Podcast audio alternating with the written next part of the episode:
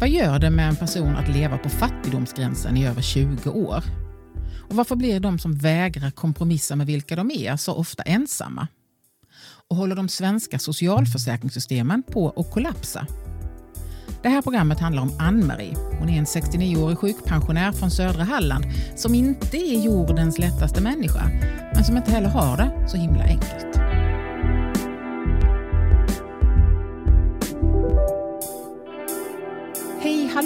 Välkommen till Livet i landet-podden. Det här är den ljudliga versionen av de texter som finns på sajten livetilandet.se. Jag som heter Linda Thulin, jag har skapat Livet i landet efter eh, 25 år på Sveriges Radio. Och jag har gjort det därför att jag tycker att så kallat helt vanliga människor får lite för lite utrymme i media. Deras liv lär oss mer om varandra, oss själva och samhället vi lever i än många av de kändisar som tar mest plats i media, om du frågar mig. Sen är jag också efter alla dessa år ganska trött på tyckandet. Jag vill liksom prata med de som kan saker på djupet om samhället idag. Så det var så som konceptet som Livet i landet bygger på skapades. Det vill säga en människas berättelse och en uppföljning. Och eh, Jag må vara lite av en ensam armé för det mesta. Men just när jag gör podd då har jag sällskap av min eh, vapendragare Roger Benke Bengtsson. Hallå Benke! Hallå Linda, vapendragare. Ja, jag med liksom, många namn. Ja, men jag kände det. Det får bli nya varje gång. Det var ett väldigt fint epitet, jag tar Ja. det till mig. Eller hur? Hur är läget? Det är alldeles utmärkt, tack. Du också. Fantastiskt bra. Det är alltid kul att få göra podd. Ja, men det är ju faktiskt det. Det är kul att prata, eller hur? Men ännu roligare än att prata skulle jag vilja säga att det faktiskt är att lyssna. I alla fall när man lyssnar på de människorna som jag träffar nu när jag gör Livet i landet. Verkligen. Idag ska vi prata om den första människan som jag träffade när jag drog igång det här projektet, Ann-Marie. Eh, Det var ju ett tag sedan du läste den där storyn, men kommer du ihåg vad du tänkte när du läste? Jag tänkte först att, oj vad bra. Jag har ju vetskapen om att Ann-Marie är ju långt ifrån ensam i det här landet. Men vars röst väldigt sällan kommer till tals. Jag tycker det är alldeles utmärkt att de får finnas, att de existerar, att deras röst görs hörbar. Eh, Det var ju så att eh, hon blev min första person, huvudpersoner kallar jag ju de här människorna som jag intervjuar, för att jag träffade henne när jag jobbade på Radio Halland. Vi för, träffades första gången för tio år sedan och då, för att göra en lång historia kort, så gjorde vi lite sändningar utifrån våra lyssnares köks, eh, eller kök för att helt enkelt bara träffa lyssnarna. Vi gjorde vanliga sändningar men vi gjorde det från köken för att få en bild av vilka är de som är på andra sidan. Liksom. Eh, och hon hade också då, det här var precis när sociala medier hade dragit igång och Ann-Marie var en sån person som skrev väldigt mycket och kommenterade på Facebook. Hon var rätt ofta ganska arg. Eh, och jag blir ofta lite nyfiken på sånt. Ja, men vem är den där människan? Du vet så. så det var ett väldigt lysande tillfälle att få träffa en av lyssnarna och möta henne. Och eh, när jag då liksom fick backstoryn, för att prata svenska, och fick träffa henne och, och hennes dotter och sådär, så liksom, ja, men jag fick en väldig förståelse för var, varifrån vissa typer av åsikter kan komma och den här känslan av att vara marginaliserad och sådär. Att den, precis det du säger, att det är en, här är en röst som vi inte hör så ofta. Och sen har Ann-Marie varit med mig i tio års tid nästan när jag har varit på Ekot och när jag drog igång hela projektet så fanns hon och sådana som henne väldigt nära mig i att det här är människor som vi också måste få känslan för. Varför tycker de som de tycker? Varför upplever de det de upplever och hur ser deras liv ut? Så det blev en väldigt självklar eh, första person. Sen byggde det ju på att Ann-Marie ville vara med. Men när jag då hörde av mig till henne så var hon väldigt generös och ganska modig. Som ändå svarar på alla mina. Och vi har haft många Det diskussioner. var väl min reflektion också. För jag menar det är ju inte alltid som Ann-Maries åsikter i, i det gängse flödet är särskilt opportuna. Vi ska lyssna lite grann på henne nu eh, och, och reflektera kring det. Eh, och sen också få en uppföljning på vad liksom det väcker för större tankar om samhället av att lyssna på henne. Men som en slags backstory för den som inte har läst artikeln på sajten, det kan man ju sen göra om man vill då, så är hon 69 år gammal. Hon var läkarsekreterare innan hon blev sjukpensionär. Det blev hon när hon var i 50-årsåldern för att hon var utmattad då. Och det innebar att hon fick 60 procent av sin lön under ett antal år och sen så fick hon en pension som i sin tur då var baserad på den här sjukersättningen. Så hon har liksom levt på garantipension och levt på väldigt eh, lite marginaler. Eh, hon bor i en liten lägenhet i en eh, ort i södra Halland och hon bor där tillsammans med ett gäng katter. Och sen med jämna mellanrum så är hennes dotter också där. Kommer in på det sen också. Hon är i 30-årsåldern. Och så har Anna också en son, en äldre son. Jag vill också bara passa på att säga att, att i och med att vi bestämde oss för att vi skulle komplettera de här texterna på sajten med att göra en podd så innebar det att ett par av de här mötena har jag, liksom, jag har åkt tillbaka igen och träffat eh, mina huvudpersoner för att få bandade intervjuer. Så det blev liksom också en slags återbesök där jag kunde knyta ihop lite av det som jag tänkte på när jag skrev första artikeln och sådär. Så det blev både en ljudversion men också en slags uppföljning och så.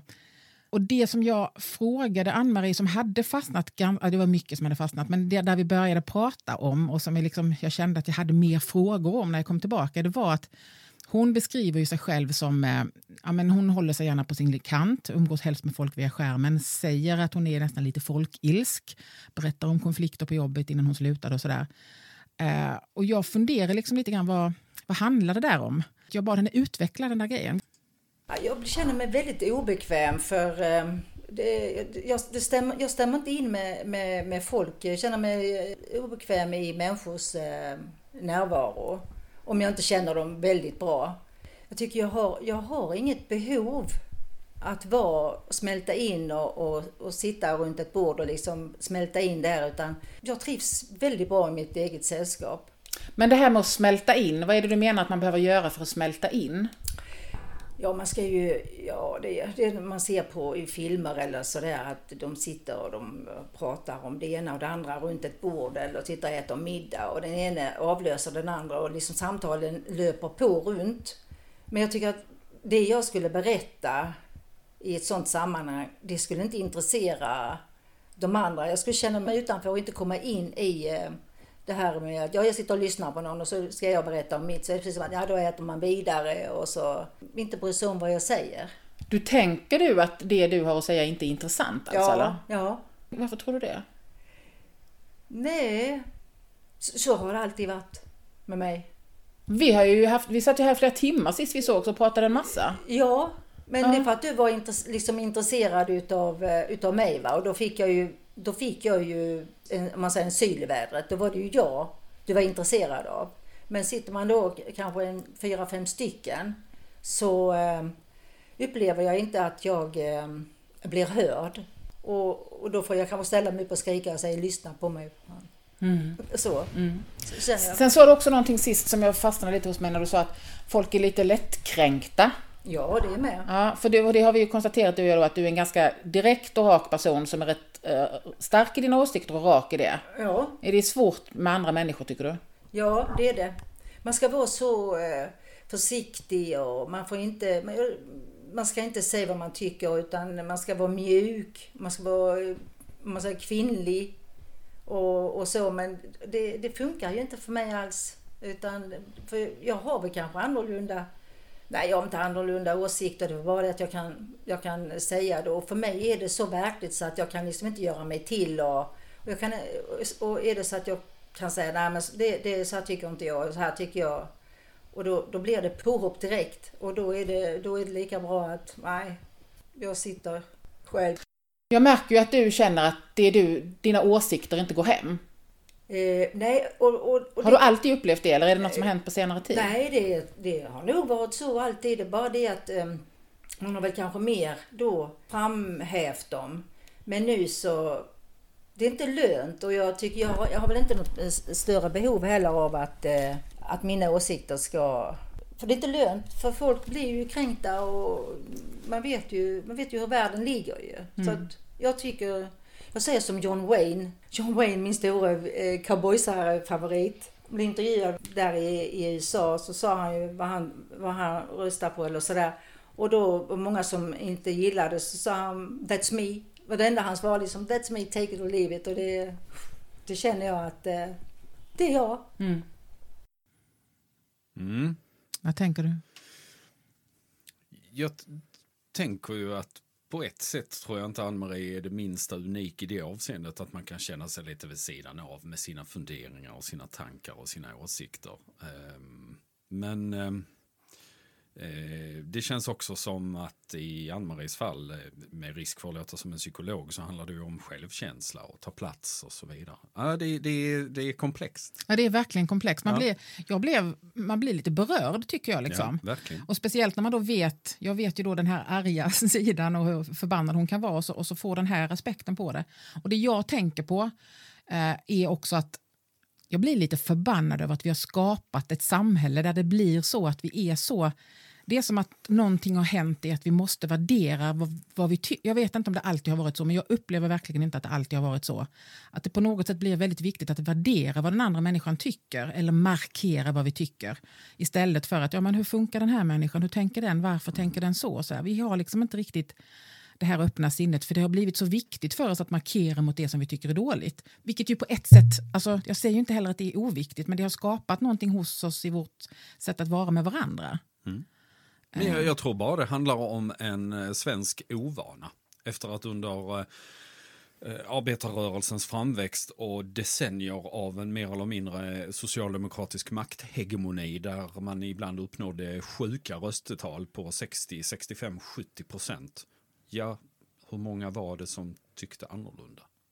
Men mm. idag har vi ett fragmentiserat och divergerande politiskt landskap där man tycker från höger till vänster och så vidare.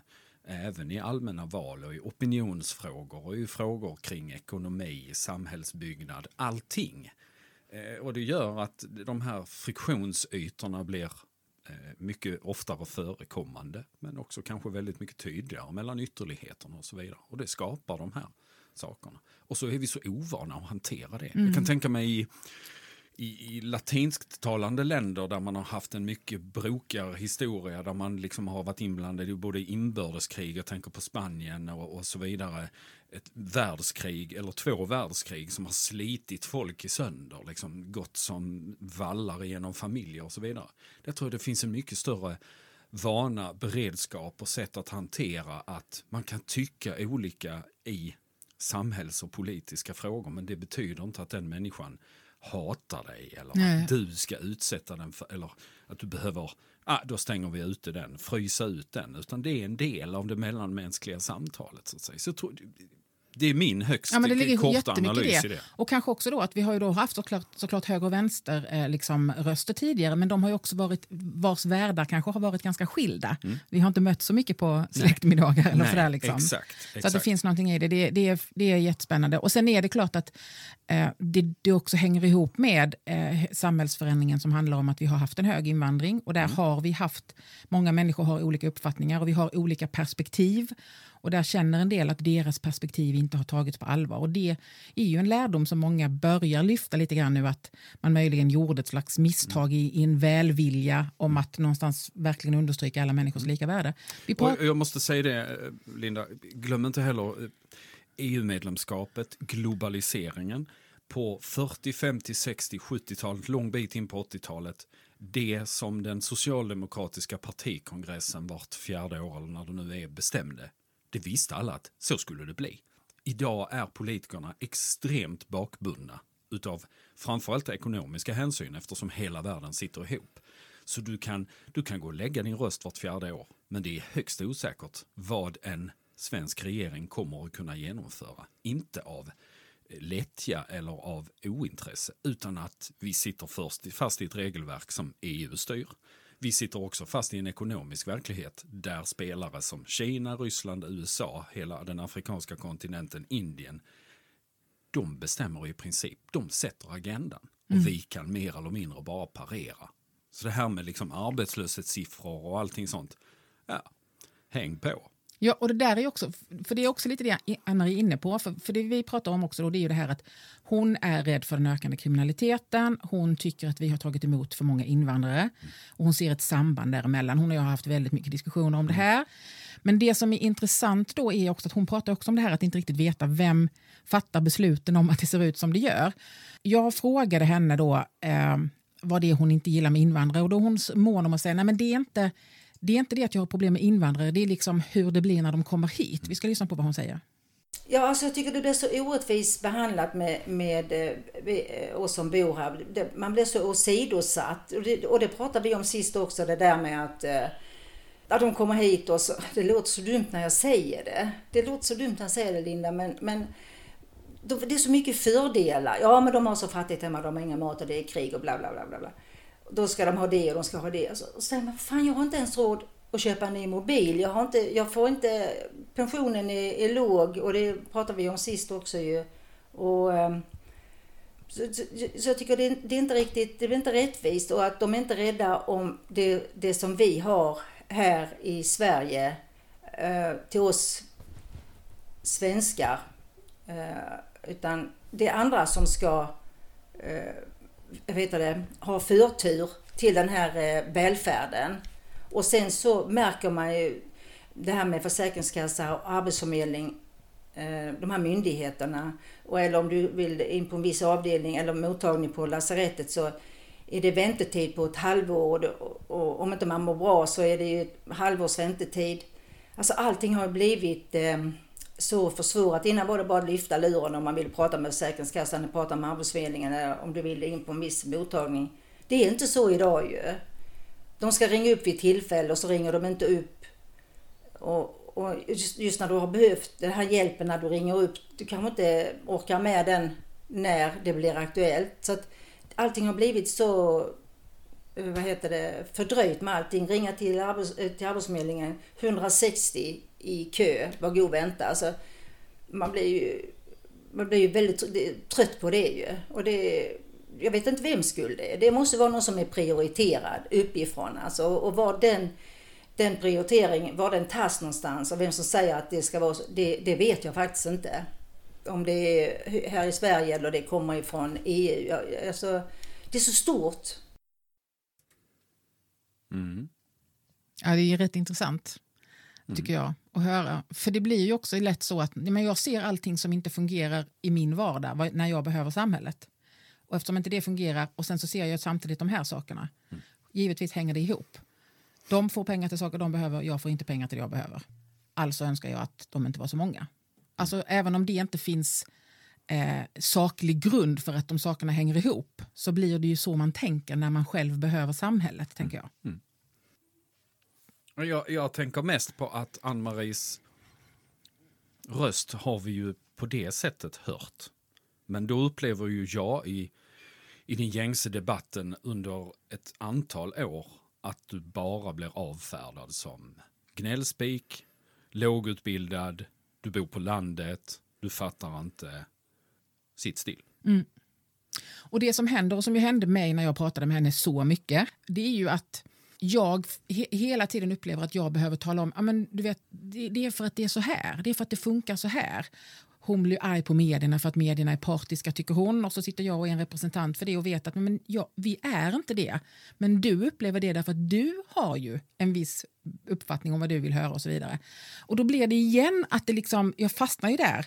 Eh, hon får ett bryt på ett ställe i, i, i vår intervju, vår första intervju, och hon bara ja, men jag kan inte formulera det så bra som du. Liksom. Mm. Och så känner jag att oh, Gud, nu sitter jag här och liksom hamnar i någon slags för, argumentation. Ja, och lite, och lite föreläsningsmässigt. Exakt, mm. för att det kanske också är så att jag blir frustrerad när jag märker att människor bygger sina åsikter på saker som inte de vet hur det ligger till.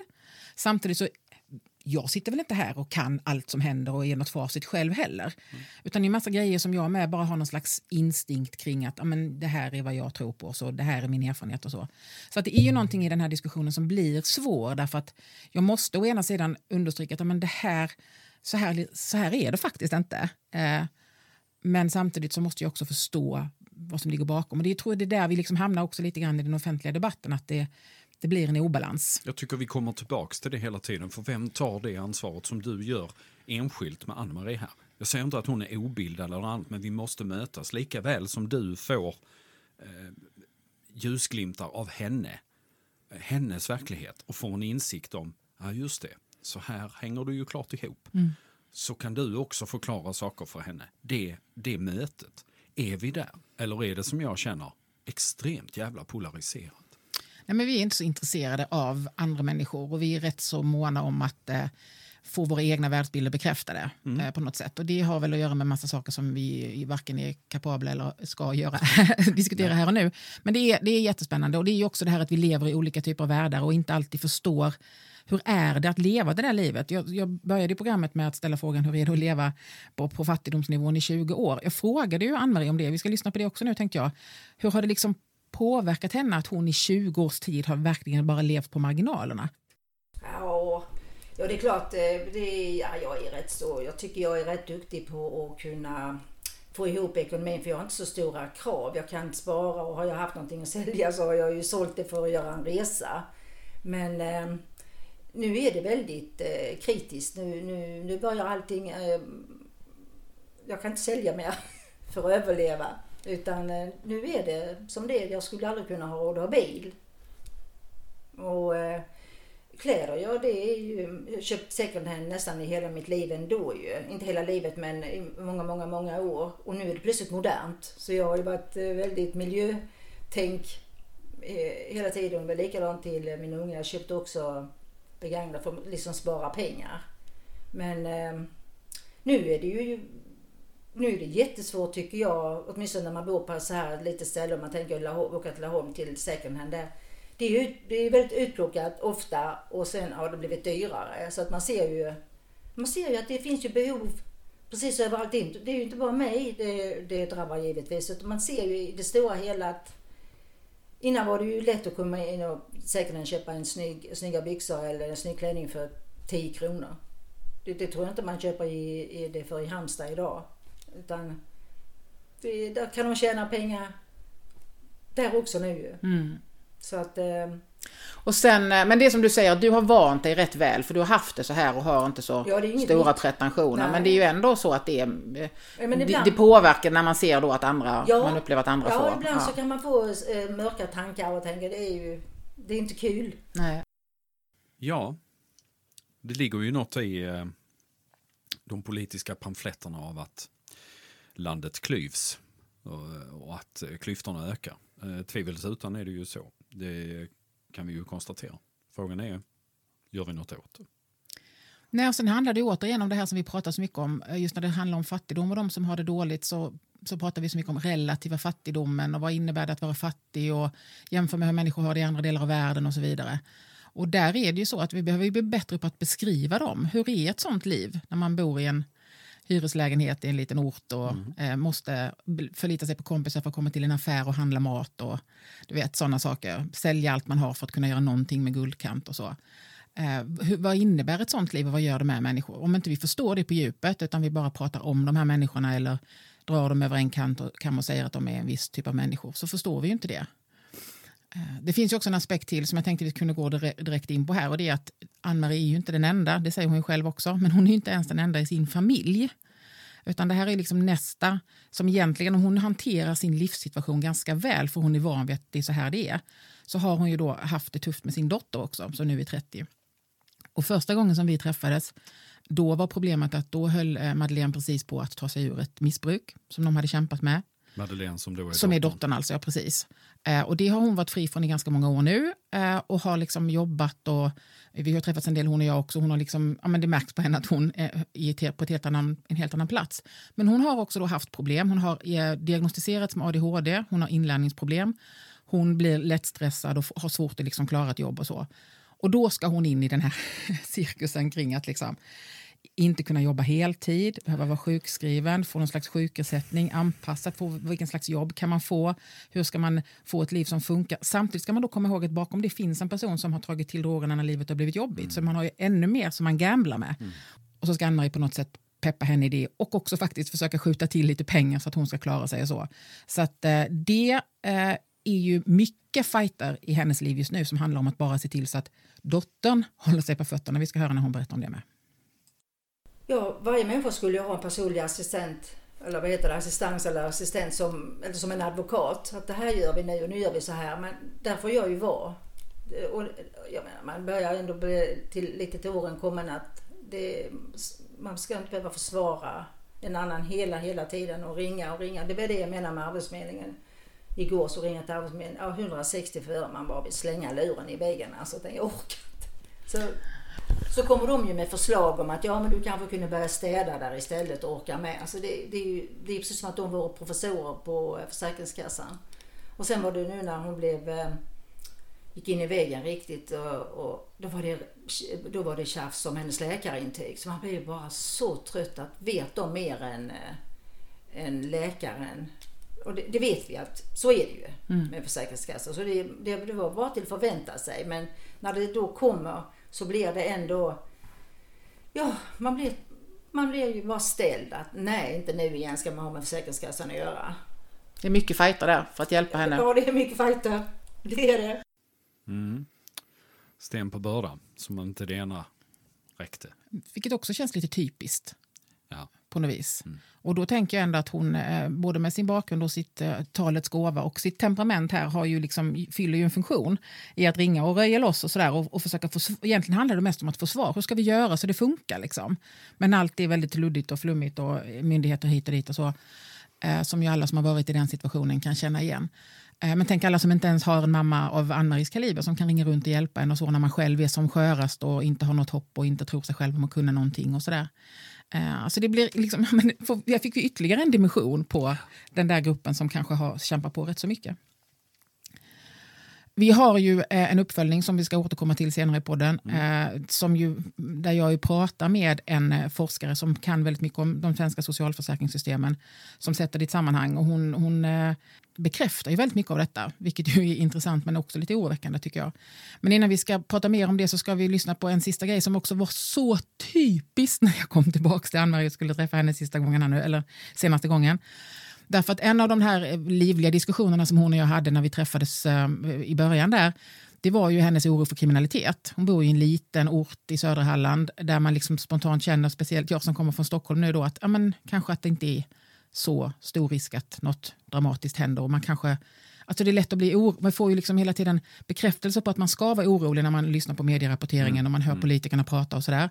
Och jag då med mitt förnumstiga journalisttänk försökte liksom, ville gärna lugna Ann-Marie lite så jag sa att du ska komma ihåg ett par saker. Att dels är det så att det finns faktiskt en kommersiell aspekt i att prata om kriminalitet därför att kriminal, kriminaljournalistik säljer. Det finns också en politisk vinning i det därför att det är det som partierna vet att det är mer hett att prata om hårda straff och kriminalitet än om hur vi har det på våra jobb eller socialförsäkringssystemen. Liksom. Så att det är därför du också hör så mycket om det. Men det vill jag inte säga att det inte är kriminellt men det finns en sån aspekt i det. För att lite lugna henne. Så vi hade en del sådana diskussioner. Vad tror du då har hänt när jag kommer till henne och hon är liksom bara dagar från att ha varit med givetvis om ett inbrottsförsök som har liksom gett henne all bekräftelse och, och skapat men precis den sista personen man kan känna behövde det. Hon berättar om det här för mig. Eh, det var ju att jag hade eh, ett inbrottsförsök här med, eh, satt och tittade på tvn och klockan var halv sex på eftermiddagen och det var lugn och ro här och plötsligt så såg jag en av katterna komma krypande på hallgolvet och ställde sig sen och stirrade på dörren och då for ju min dotter som var på besök här och for upp och då såg hon att dörren hade öppnats, handtaget var nere. Så hon springer fram och, och smäller igen dörren och låser. Och då står det två stycken eh, utanför där och de bankar och bankar vill in och frågar efter eh, eh, kvinnonamn där som inte finns här. Och jag var väldigt, eh, ja, han var väldigt otrevlig och det, eh, och det var ju inte Kalle och Pelle som stod utanför utan det var ju utlänningar och, det då visste jag, ja, jag har haft rätt i hela, mitt, eller hela tiden jag har tänkt att det har ökat med invandringen och då, ja, så nu har jag, nu vet jag. Och det, det har gjort dig, nu är du skraj. Ja, nu är jag riktigt rädd alltså. Nu, det, det, det var precis vad jag behövde tydligen för att nu är det, ja, nu, nu är det riktig kris. Jag är fruktansvärt rädd.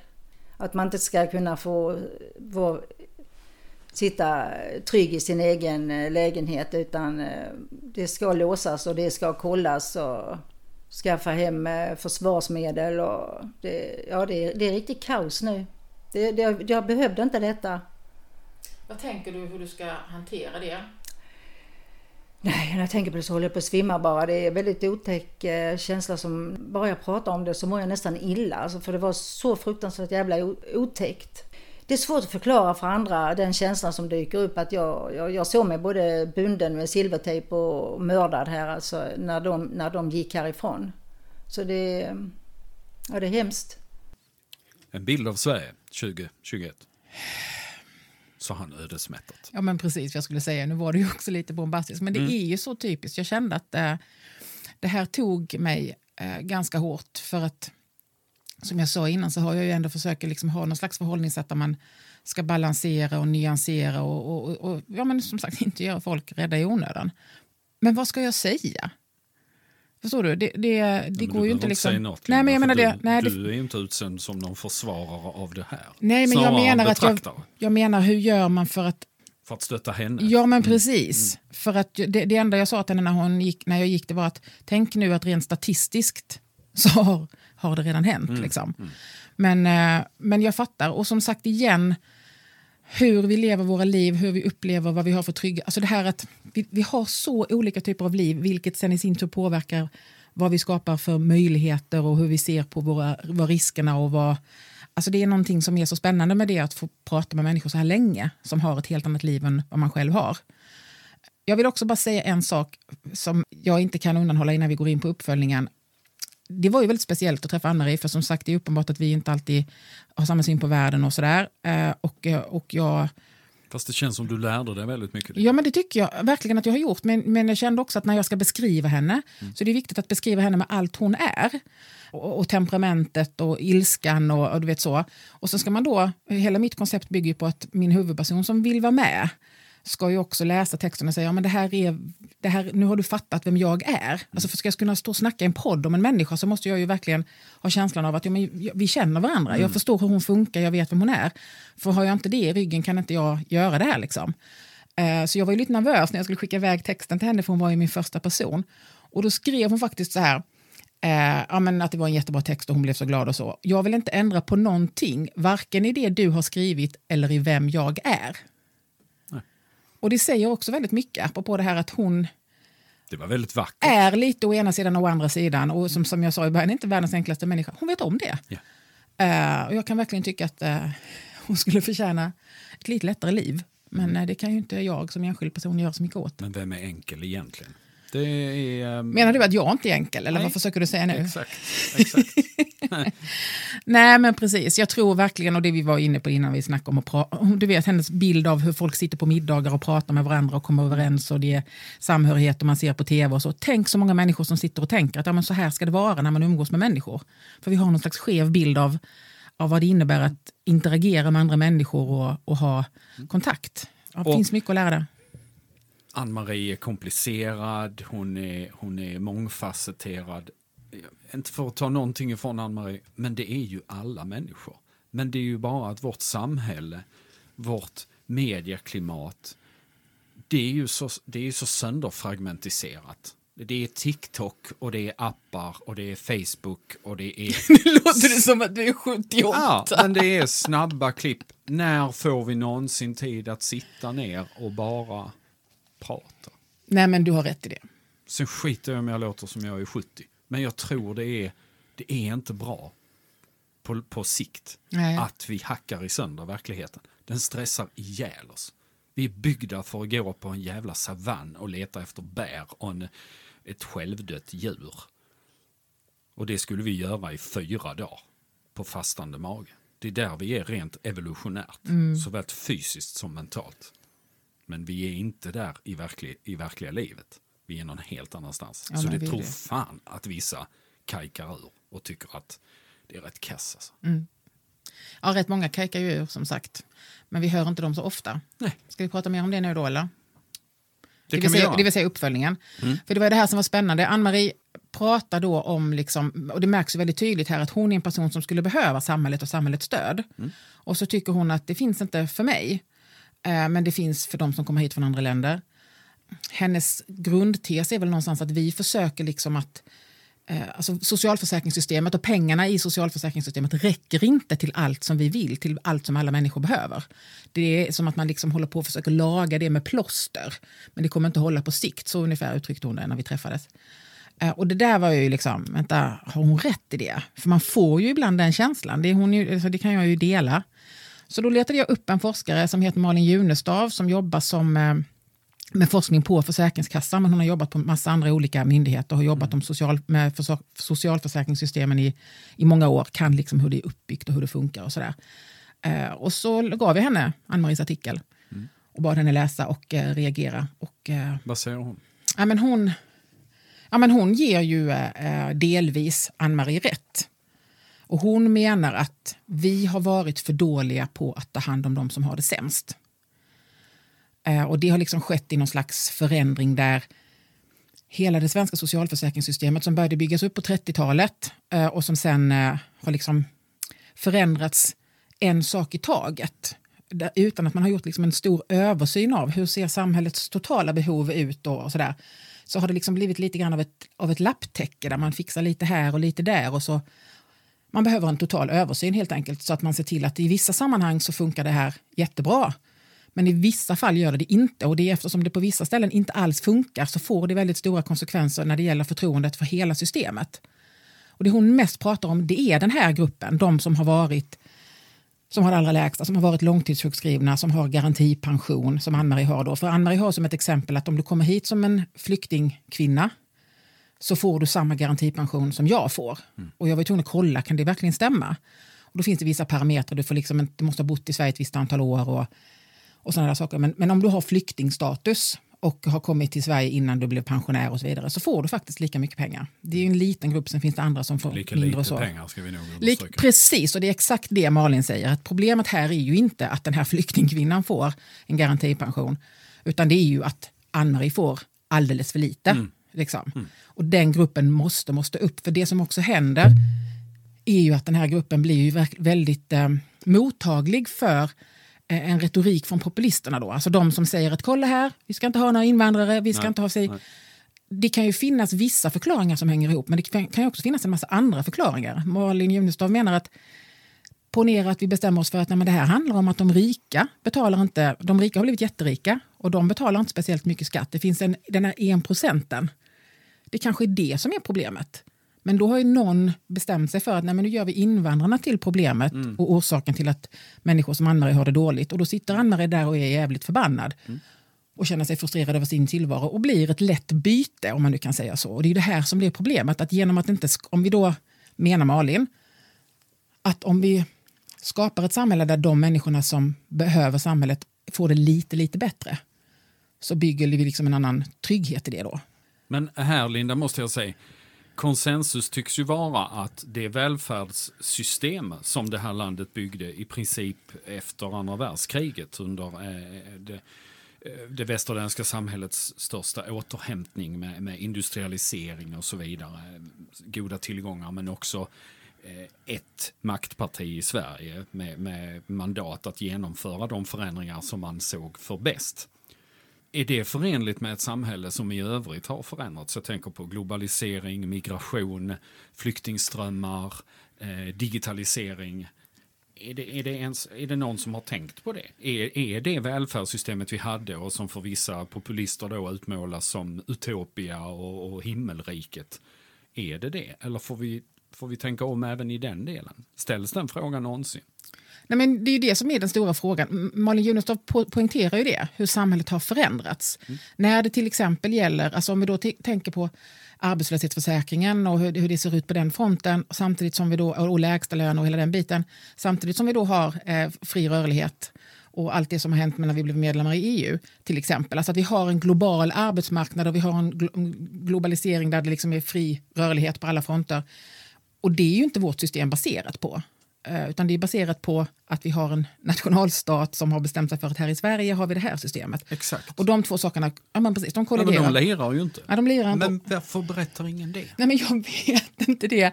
Eh, jag, jag var jättefrustrerad när jag hade snackat med henne. Sen, alltså, hon är ju en i mängden av en massa forskare. Jag väljer att göra så. Jag hittar någon som jag tycker känner att ja, men den här har jobbat mycket med detta.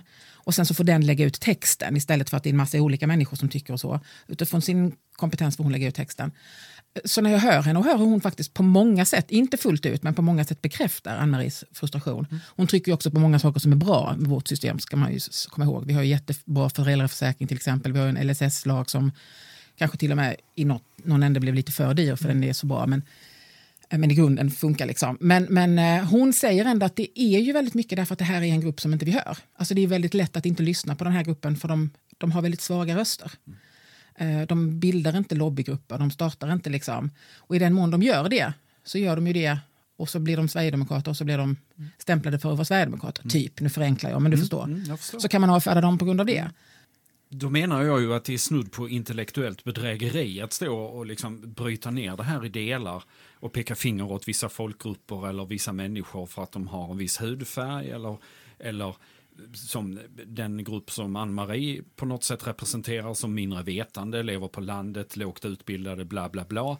Eh, det är ju snarare de stora, de stora systemen som vi på något sätt borde politiskt visionera om, berätta om, förklara problemen med. Men hör vi någonsin det i svensk Nej, politik? men för vem klickar på den artikeln, Benke, i Nej. medierna? Nej, nej visst. Vi ska ändra de politiska systemen och så ska man läsa på hur hela jäkla... Mm. Det märkte jag ju bara nu när jag skulle få någon slags grepp om vadå, de svenska välfärdssystemen, vad är vad och vem, vem betalar vad och vilket är staten och vilket är kommunerna. Och Malin fick ju rätta mig ibland och bara, nej men du vet de betalar inte ut bostadsbidrag, det är de. Och så här. För det är ju superkomplext, till och med för någon som då har tid på sig att läsa på och är van att göra det. Men att nå ut med de här frågorna, plus att det också är så här, tror jag, för jag, efter jag gjorde den här intervjun, vilket ju är några månader sedan, så märker jag också att eh, ministrarna är ute lite grann och försöker prata om detta nu. Eh, för att man, man ser ändå att här finns någonting att göra. Och så. Jag tycker mig höra det lite mer. Eh, men när man blir ju nedskjuten direkt av den politiska retoriken så blir det ju återigen det här att ni vill eh, bygga ett bidragssamhälle. mm, eller, alltså, du vet att, jag vill gärna ha det till att, att det inte är en politisk eh, åskådning att tycka att ett samhälles, människorna i samhället som har det som sämst ska ha det okej. Alltså jag vill, vill då ändå tänka att det tycker de flesta partierna faktiskt. De, Jag de skulle flesta säga att säger de det. flesta människor tycker det. Jag menar det, det är inte något Eftersom det är jättekonstigt inte ett det. politiskt ställningstagande utan kallas humanism. Ja, men lite grann så är det ju. Men det är supersvårt att lösa politiskt och därför vill man inte ha det på agendan. Därför att man vet liksom att det här kommer att kosta skattepengar, det kommer att innebära att vi måste beskatta miljonärerna, det kommer att innebära att vissa människor som får bra bidrag kanske inte kan få det. Alltså vi måste göra så stora förändringar. Så det kommer Säg, bli... Säger vissa, Linda. Men jag tror att man är rädd för Ja, komplexiteten man, är i den här rädd, man frågan. är rädd för det. Men det kanske inte är säkert att det hade behövt kosta så mycket mer. Kosta, vi, vi kanske istället borde titta av vad gör vi med de resurser som vi faktiskt redan har? Ja. Hur kan vi, hur kan vi nyttja dem bättre? Hur kan vi bättre se till att de pengar vi avsätter gemensamt hamnar där vi någonstans gemensamt tycker att de borde hamna? Och i system som vi någonstans tycker är följsamma, humanistiska och så vidare. Och jag skulle önska att man pratade mer om det. I, Jag också. liksom, i- ja, vi har ett valår om ett år ju. Men grejen är att jag är igen tillbaka till att jag är cynisk här då. Därför Mm. att vi har de politiker vi har och det systemet vi har. Och med den polarisering som är och åtta Och det medieklimat vi har. och det, precis. Alltså precis.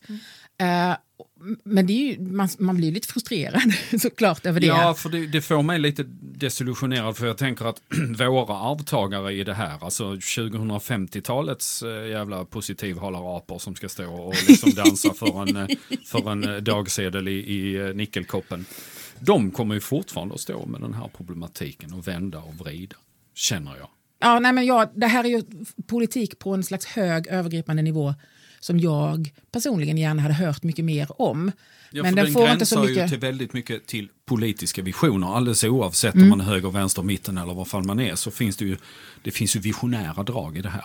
Men visioner är ju i princip en monumental bristvara i dagens politik, tycker jag. Ett första steg är nog att bli lite mindre rädda för friktion och för åsiktsskillnader i vissa ämnen, som vi var inne på i inledningen.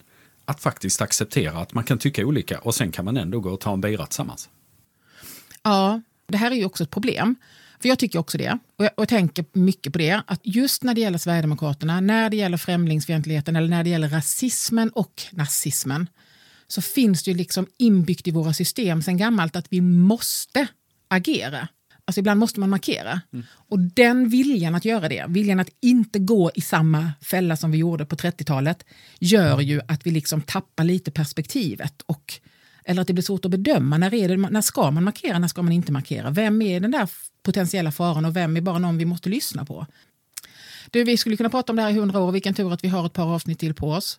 Eh, snarlika ämnen kommer vi in på om några, några avsnitt. Nästa program däremot handlar om någonting helt annat. Då ska vi träffa en person som eh, snarare är, ser eh, livets utmaningar som en anledning att hitta en lösning på ett problem. Eh, vi hörs och eh, ses då. Ja, det gör vi. Tack för idag. Tack.